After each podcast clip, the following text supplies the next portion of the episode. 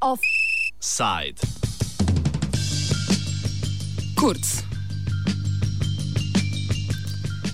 Temperatura v tradicionalno precej umirjenem avstrijskem političnem dogajanju se dviguje že vsaj od lanskega leta. V nove, bolj viharne vode pa je avstrijska politika zaplula prejšnji teden. V sredo je Reinhard Mitterlehner, vodja avstrijske ljudske stranke, ki skupaj s socialdemokrati sestavlja vlado, napovedal svoj odstop. Včeraj je na njegovo mesto stopil zunani minister Sebastian Kurz. Dogajanje povzema profesor politologije na Univerzi v Salzburgu Reinhard Heinisch. Um, the government, the, the, the, this coalition government, has had increasing problems agreeing, and for pretty much uh, the better part of the last one or two years, there's been a series of crises uh, of bad, of a really bad atmosphere between both parties. And um, then, somewhat unexpectedly, the vice chancellor and the leader of that party stepped down last week. And that prompted um, Mr. Kurz to um, essentially asked the party, who was always who had been seen for quite a while as the hidden talent, who was going to be their future leader, but he was since he's so young. Um, ideally, everybody's still waiting for, for more time to pass. But given that the that the uh, leader of the party stepped down, uh, Mr. Kurz had to step up, and uh, he was asked and endorsed to take over the party. And as these endorsements were coming in, and as the, it was announced that on Sunday the party would probably announce Mr. Kurz as a new leader, uh, Kurz in return said, Well, but if I take over the party, it has to be done on my terms, and these are my terms. And he he published a list of terms, seven points that he needed to have, that the party needed to concede or needed to agree in order for him to take over the party. And what these uh, seven points essentially do, they would centralize his uh, decision making power and would give him the ability to control his government team and the list of names that uh, of candidates that would uh, go into parliament that would uh, actually be on the ballot uh, in the upcoming elections. And this is a rather de- a novel de- departure from previous um, from the previous mechanism in that party because that party has been historically extremely weak at the center but has been determined by strong uh, organizations, sub organizations of the parties, and regional chapters of the party. So, in that sense, it is a significant structural change that Mr. Kurz has achieved here. Sebastian Kurz je v avstrijski politiki svoj vrsten fenomen. Kot vodja mladinske organizacije stranke se je pri 27 letih zavihtel na položaj zunanjega ministra, kar je v treh letih spretno uporabil za širjenje svoje prepoznavnosti.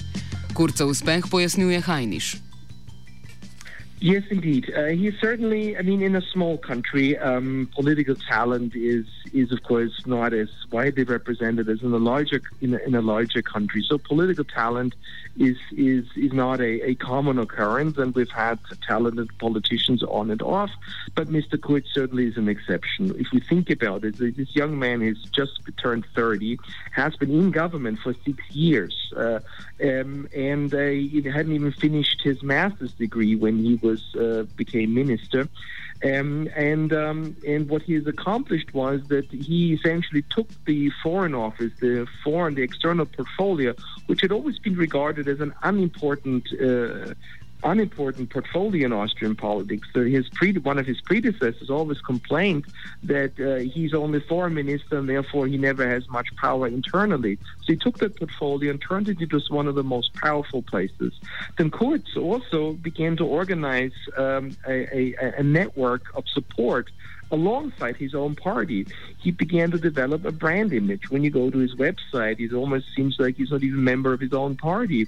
And he had threatened, well, that he might actually run uh, against his own party or compete in competition with his own party with his own list. So he's been very skillful in, in crafting and creating a network of confidence, uh, an organization parallel to the, the, the Conservative Party, but he's also the head of one of the key uh, sub organizations of the Conservative Party, the Young Conservative League. And he's used this to great effect, and he's cultivated this sort of uh, net extensive network. Kurz je danes najbolj popularen avstrijski politik in to kljub počasnemu avstrajnemu padanju podpore njegove stranke. Za popularnost je zaslužna Kurcova medijska spretnost.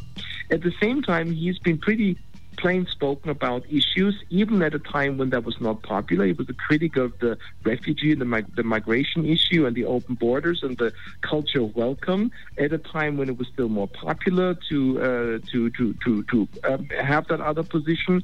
And uh, he's been pretty outspoken. Um, he has also uh, led very effectively um, a campaign in the last elections of uh, personal endorsement in Austrian ballots. You can actually write. You can you can have a write-in campaign where you write the name name of your preferred member parliament on the ballot, and he was the he had the most of these pre- preferred endorsements of any uh, uh, any member of the Austrian parliament. So you know, he's young, he's fresh, uh, he is good with electronic media, he holds his own in debate, he comes across as very poised, on, particularly in German television shows, and, and it's a, a departure from sort of the norms of Austrian politics. And I think altogether as a package, at a time when other political figures were rather weak or less glamorous, particularly before the current uh, government, um, he, he, he formed a rather favorable contrast, and as a result, um, he was very popular at the same time, he was very clever in not involving himself in internal controversies.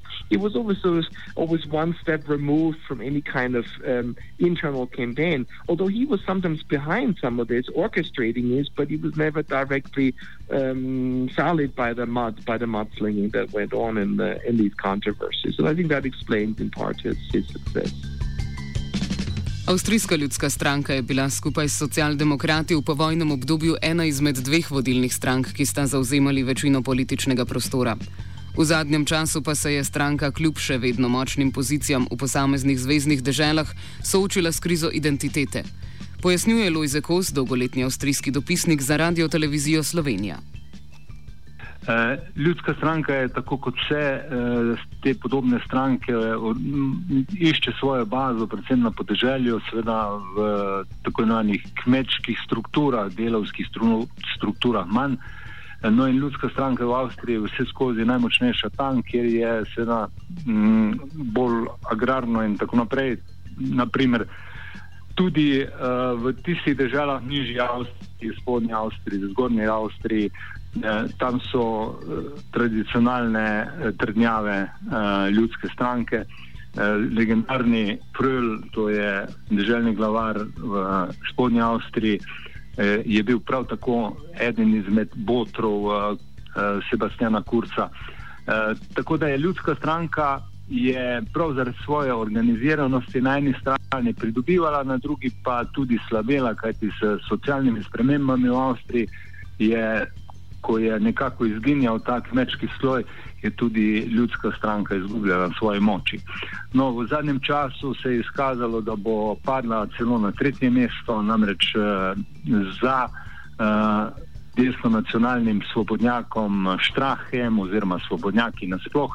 Zato je bila zelo velika nevarnost, da se bo ljudska stranka utopila v svojem lastnem, mlačnem političnem eh, kaosu, In uh, v zadnji čas je bil, da je prišlo do neke reformne spremembe na vrhu, in uh, Sebastian Kurz naj bi bil tisti človek, ki bo to stranko potegnil iz uh, krize.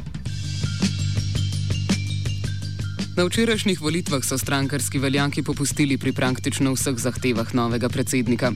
Kurz bo imel odločilen vpliv na izbiro kandidatov za parlamentarne volitve, med katere ima namen vključiti nekatere nove člane.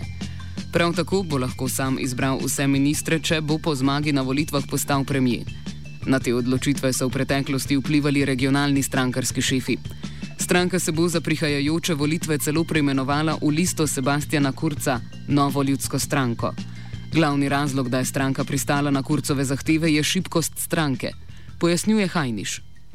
The party is quite desperate. I mean, the, the, the Conservative Party was one of the two great parties in Austrian politics for the last, you know, almost the last hundred years. If you go back, it had almost at one point nearly half the electorate was behind that party, and the party is just a shadow of itself. It is still very, very present in the sta- states and the provinces, but it's extremely weak at the center. And it is quite clear that if the trend had continued, that party might have completely disintegrated. I mean, for the longest time, they were down at less than 20 percent uh, while there used to be, you know, in the 30s and 40s. And so the, des- the, the concession to courts were also a reflection of the desperation that the party felt that something had to change, the structure had to change one way or another. O tem, kako želi Kurz uporabiti svoj novo pridobljeni vpliv in uh, naziv, nadaljuje Hajniš. I think he's not interested in running a traditional conservative party because that clearly doesn't work. And he clearly is not available for that. So I think he certainly means business, that he wants to push his own agenda, he wants to push his own people, he wants to control that. And I think that's, uh, and he knows that's necessary. Otherwise, I mean, his, uh, his career as the party leader would be short lived. Um, um, and I think for the party, it that remains to be seen. All these changes we're talking about now, these are changes that just affect the party in parliament. There's, you know, it, it doesn't change the party itself. So it's it's almost like a parallel structure. So the party now exists both as the party with very little change, that's very uh, heterogeneous, very decentralized, but then the part of the party that, that is running for office and competing for parliament, that is rather more central. That's now under the control of Mr. Kurz and the party leader, and he has an absolute veto power over the candidates. And you know, if the, if that will succeed, if Kurz succeeds and he wins the elections, and the, you know he really wants to be in first place, I think the model will stick. In the end, the party will probably adopt the model in the long run. If this doesn't uh, succeed, then there's somebody they can blame. It's quite clearly Mr. Kurz, and the party will re-engineer a return to the previous Sebastian Kurz je takoj po prevzemu vodstva stranke napovedal zahtevo o predčasnih volitvah. Kancler Kristjan Kern je priznal, da predčasnih volitev ne more in zato tudi ne namerava preprečiti. S tem se končuje velika koalicija, ki je bila v zadnjem času vedno bolj razklana.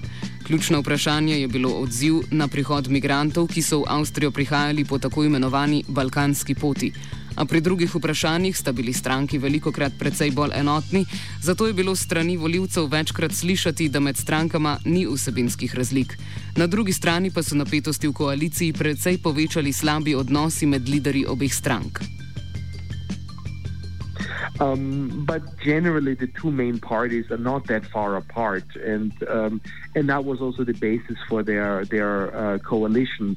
The fact that they couldn't agree on things had a lot to do with personal animosities, less with uh, really big ideological differences, but had a lot to do with you know simply they not these individuals not liking each other. Danes sta Kurz ter predsednik socialdemokratov in premijer Kern opravila pogovore pri predsedniku republike Aleksandru van der Belnu. Tega, kdaj bodo potekale volitve, se še niso dogovorili. Kurz, ki bi rad kapitaliziral svojo popularnost, si jih želi čim prej, Kern pa bi jih rad predstavil v poznejšo jesen. O tem, kdaj bi lahko potekale predčasne volitve, govori Hajniš. That's a good question. Um, because we, we, we're not quite sure yet how this was un, will unfold. First of all, if the two current government parties agree to um, end the government tomorrow, then the date from the from the date tomorrow there would be an 82 day period under the law when the elections would be able to, to be held in, at the earliest. That would put us in the middle of August. That, of course, is not a good time to have uh, an election. So therefore, that would be at the earliest in the fall, in September or October. They also probably make sure they don't coincide with the German elections, but early fall is the earliest they can have the elections. If they cannot agree on a date, if they cannot agree to dissolve the government soon for one issue or another, it would be uh, pushed uh, pushed down even further. But we're talking fall; it cannot be held before fall. Z analizo tega, kaj za avstrijsko politično življenje pomenijo spremembe, ki smo jim priča, zaključuje Reinhard Heinisch. The, the key point I think needs to be made. This is for the, I mean, for Austrian politics, uh, this is clearly uh, an era has gone to come to an end, and a new pattern will emerge, and it is quite likely that uh, the the political landscape will be considerably more unstable or insecure. So this is a this is the number one issue. The number two comment I'd like to make is. Um, all three parties, conservatives, social democrats, and freedom party, are led by three alpha males that have all vowed they will not serve under anybody else. So they all are playing for first place. That means so only one can win. It means two will not be with us probably uh, starting in the fall. So this is a very high stakes contest and makes for a very interesting political season that is unusual in the rather stable and placid uh, Austrian political landscape. Offside je pripravil Gal.